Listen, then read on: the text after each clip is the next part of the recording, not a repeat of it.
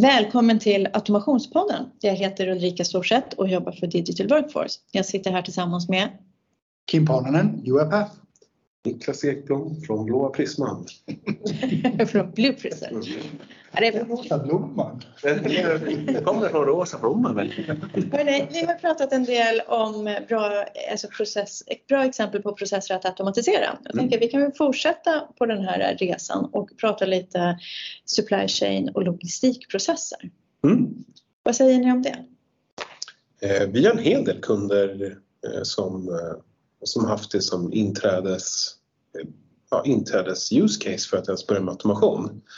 Och jag tror att det kan vara kopplat till att dels så är det, det är väldigt lätt att, att förvandla, förvandla den typen av, av use case med, till ett värde i form av pengar. Mm, otroligt. Eh, och även kvalitets, kvalitetsökning eh, på, på sin tjänst och på sin produkt eh, i allmänhet. Jag menar, en kund som jobbar med, med hissar i Finland säljer över hela världen. Affärslinjen är rätt enkelt.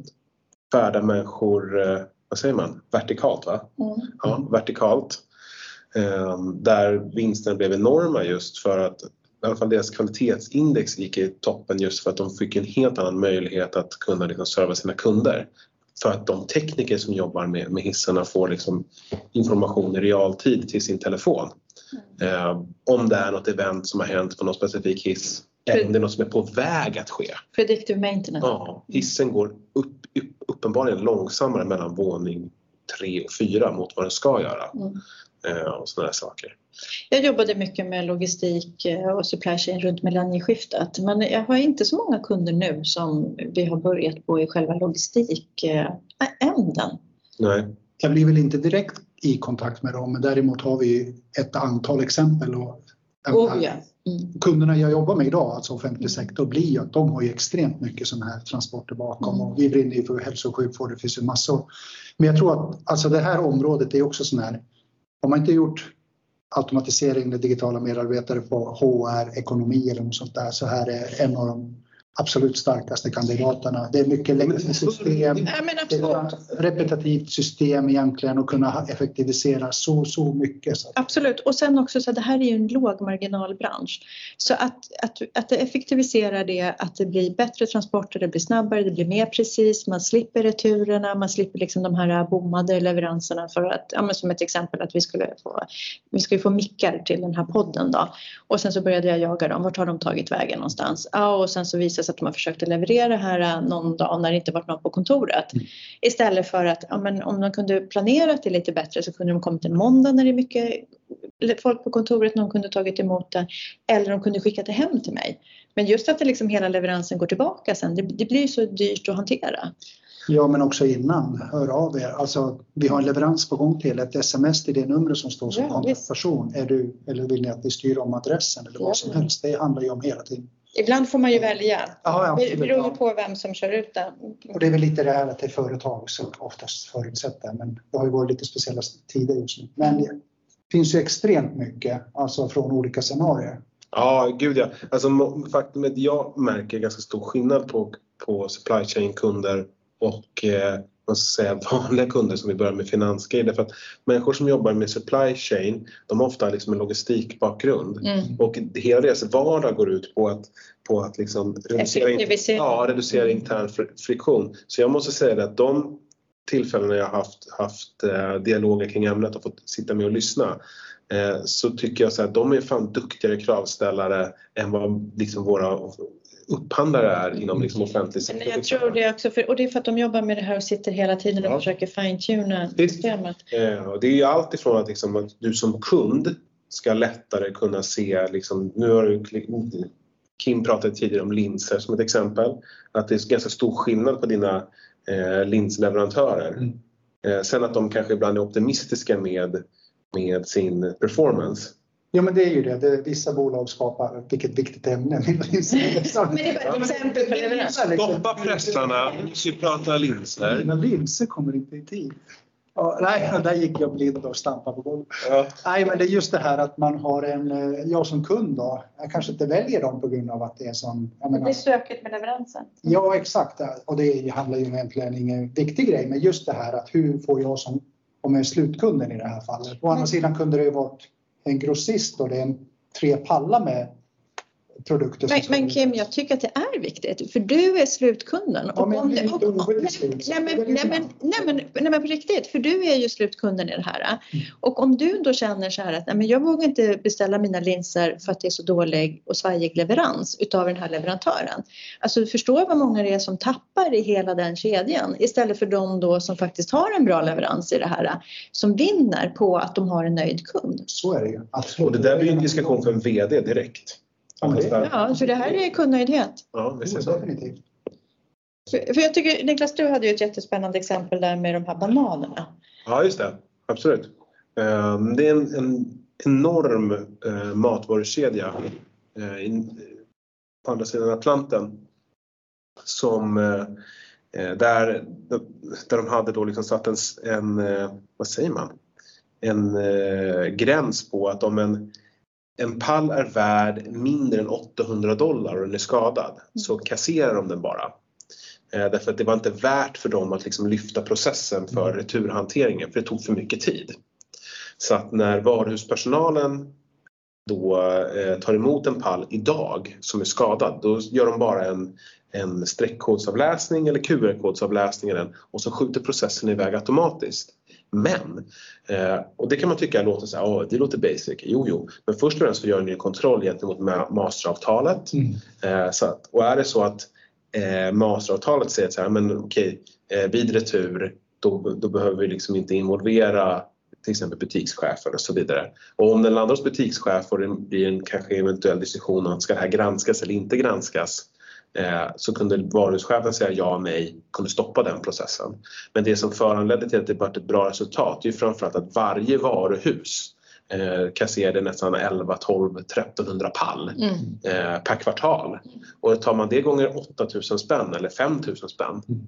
det blir enorma summor. Mm. Liksom. Och det här är ju pengar på sista raden. Ja, Så, och grejen är så här, för det jag tycker ändå är liksom positivt och som man ser på allt fler ställen, inte just där jag handlar men jag har hört om det, att man, att man har liksom egna hyllor för lite så här sekunda varor. ja. Och då säljer man det till halva priset för att det kan vara kort datum och, och sådana här saker. Och det. det är ju så bra. Det är där Niklas och jag handlar. Det, ja. jo, alltså så här, Nej, men det, är bra för ja, men det är bra för miljön. Det, ja, jag tycker det är schysst, jag gillar det. Ja, jag tycker också det är skitbra. Alltså, det där är ju realtidslagerföring. Precis. Eh, och eh, återigen så är man ju då inne på ett bra sätt att kunna analysera sitt, sitt men om man ser varje, varje matvarubutik är ju liksom lager. Mm. Eh, Så att det där handlar om realtidsinformation som måste nå någon som fattar ett beslut.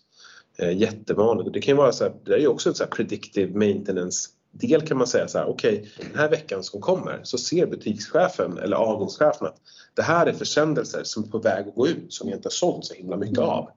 Eh, Fram med det liksom. Men, men det jag tycker man måste prata om också när man pratar logistik och supply chain det är ju liksom att skapa visibilitet i hela den här leveranskedjan. Mm. För att, och det pratade vi jättemycket om där på 90-talet för då pratade vi supply chain event management. Och det går ju ut på att när de här komponenterna och varorna flyttar sig längs den här kedjan så ska man då kunna se vart det är någonstans. Tracka. Ja, tracka det, precis. Och det kan man ju göra med liksom varierande framgång. För att i den här branschen också så är det ju så otroligt mycket så här friåkare, tredjepartsleverantörer. Alltså, det är ju inte ett, ett liksom sammanhållet system utan det är väldigt fragmenterat. Jo men C och E det kan vara helt andra fristående bolag som Ja. med det här man köper in som en tjänst och som du sa tidigare lågmarginalkedja i dagsläget.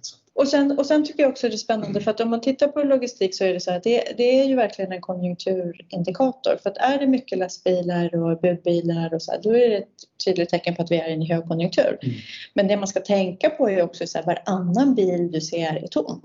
För då har den varit och lämnat sina varor någonstans. Men om man då kan skapa effektivitet i det här systemet så att om den lämnar någonting på en ICA-butik i Arvidsjaur eller nu blir det väldigt mycket det men strunt i det alltså en butik i Arvidsjaur. Då kanske den kan köra ner någonting på samma lastbil till Strömstad eller Enköping eller Västerås eller vart den nu ska. Mm. Och om man då börjar så att man kan börja bidda på det här och säga att jag kan ta den lasten. Men Jag tänker att lite grann så här som Använder ni den här tipptapp? nej. Nej, Nej, Nej. Nej men det är den som hämtar skräp. Ja, precis. Och så kan man lägga in så här. Jag, jag vill... Kör det till återvinning själv. Du körde till återvinning själv. Ja, men det, jag, jag är ju på återvinningen och hämtar grejer. Ah, där är det sätt. Ska vi kasta den där? man ju liksom ut och så här, då tar man kort på så här, här har jag trädgårdsavfall eller vad det nu kan tänkas vara. Kan någon hämta, ni får det för, alltså ni får 500 spänn och åka och hämta det här och köra det på tippen. Exakt så borde man kunna göra. Affär. Ska du ha den där korven? Ja. Eh, Nej men absolut, och, och det, där är, det där är skitintressant och det, är liksom, det ligger ju rätt i tiden. med- Så om ni redan gör det här så känner jag att jag precis kläckte en affärsidé. Alltså, Jag köper aktier hos dig. tror att jag, Köp. Eh, Men det finns ju det här, vad fan heter de? Det är ju ett så stort det har ju blivit ett enormt åkeri som startade över en natt. Det här är typ nästan 7-8 år sedan kommer jag ihåg. Där det var typ så 3000 fristående åkare som startade ett.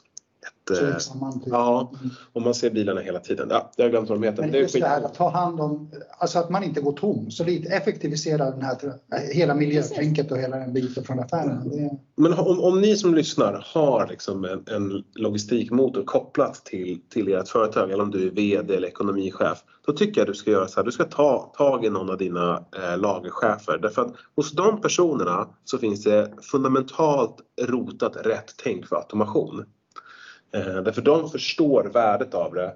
Alla processer. alla processer, stegen. Det är liksom från, för kund till, från kund till leverantör, från transport till kund, från kund tillbaka till leverantör och vice versa. Så att de här, ja exakt, så de här personerna eh, de, de ser det som självklarheter för effektivisering som kanske inte man gör spontant annars. Så det är skitbra. Jag tycker att det är skitroligt att få prata med den typen av människa. Därför de bara klykar på en gång. Men- Plus att de ha- hanterar olika datakällor. För de är så vana att tänka effektivisering. Det är Ja, liksom faktiskt. det de gör hela, hela, hela dagarna. Visst. Och, och också då såklart att alltså förhåller man sig inom ett sånt här ekosystem, som säger bilbranschen då, då kör ju de Odette eh, som en ED-standard.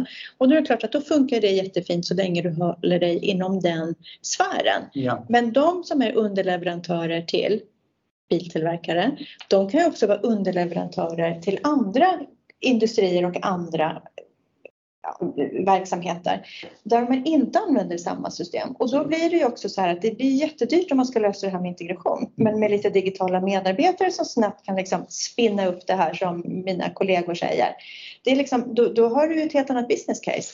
Ja, vi har ju ett par faktiskt här, tredjeparts logistik, alltså företag som jobbar med, med logistik som, som lagerhåller massa av de mest kända varumärken vi ser.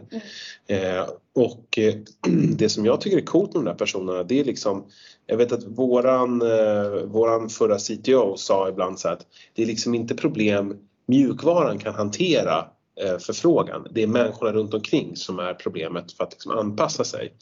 Eh, och de här människorna som jobbar med tredjeparts eh, logistik, de är så vana vid att säga okej, eh, den här kunden kör SAP, den här kunden kör si och så, den här kunden gör ditten datten dutten drullen. Eh, Så att de är så himla vana vid att så här, okej, och höra termen så här, ja men det här systemet kan inte kommunicera med det. Mm. Och då tror ju många, men så här, vården Kim. Fuck, alltså, Ja, bryter du benet i Haninge i- och du råkar stå i Danderyd, då måste de liksom buda dina journaler. Ja, det är fruktansvärt. Ja, det är alltså, det är nästan så att man inte kan tro att det är sant. Det är ändå Region Det är, Stockholm. så, det är sån resursslöseri så att det är... Och jag tycker mest synd om de som står i vården. Ja. Ja, de, ja, de, får inte, de får inte möjligheten att göra sitt jobb på ett effektivt sätt. Ja, och det är ju katastrof. Och, men det är resursslöseri dess gud nåde. Och jag menar, eh, både jag och Kim är ju framme och knackar liksom på dörren hos, hos eh, landstinget här i, här i, här i Stockholm eh, för att få hjälpa till att lösa liksom, de knutarna. Och sekunden vi blir insläppta, oj oj oj, oj vad det kommer frigöra pengar. Oh ja. Det finns så många idéer men det sätter stopp. Nej, Det finns så mycket att prata om på det här ämnet och det som är häftigt också med logistik är ju att det är faktiskt något som skär över alla verksamhetsområden. Alltså det är hälso och sjukvård, det är tillverkande industri, det är affärer, alltså kläder, livsmedel. Allt vi hanterar Allt. för oss eh, ju någon typ av, den har inte dykt där av magi liksom. Nej. Visst, visst. Och det bara ökar Ja, det bara ökar. Och, och blir billigare. Ja. Fast ända nu när det blir dyrare bensin då kanske. Vi får se vad som Vi händer. får se. Ja. Men hörni, spännande ämne. Vi, eh, tack för idag.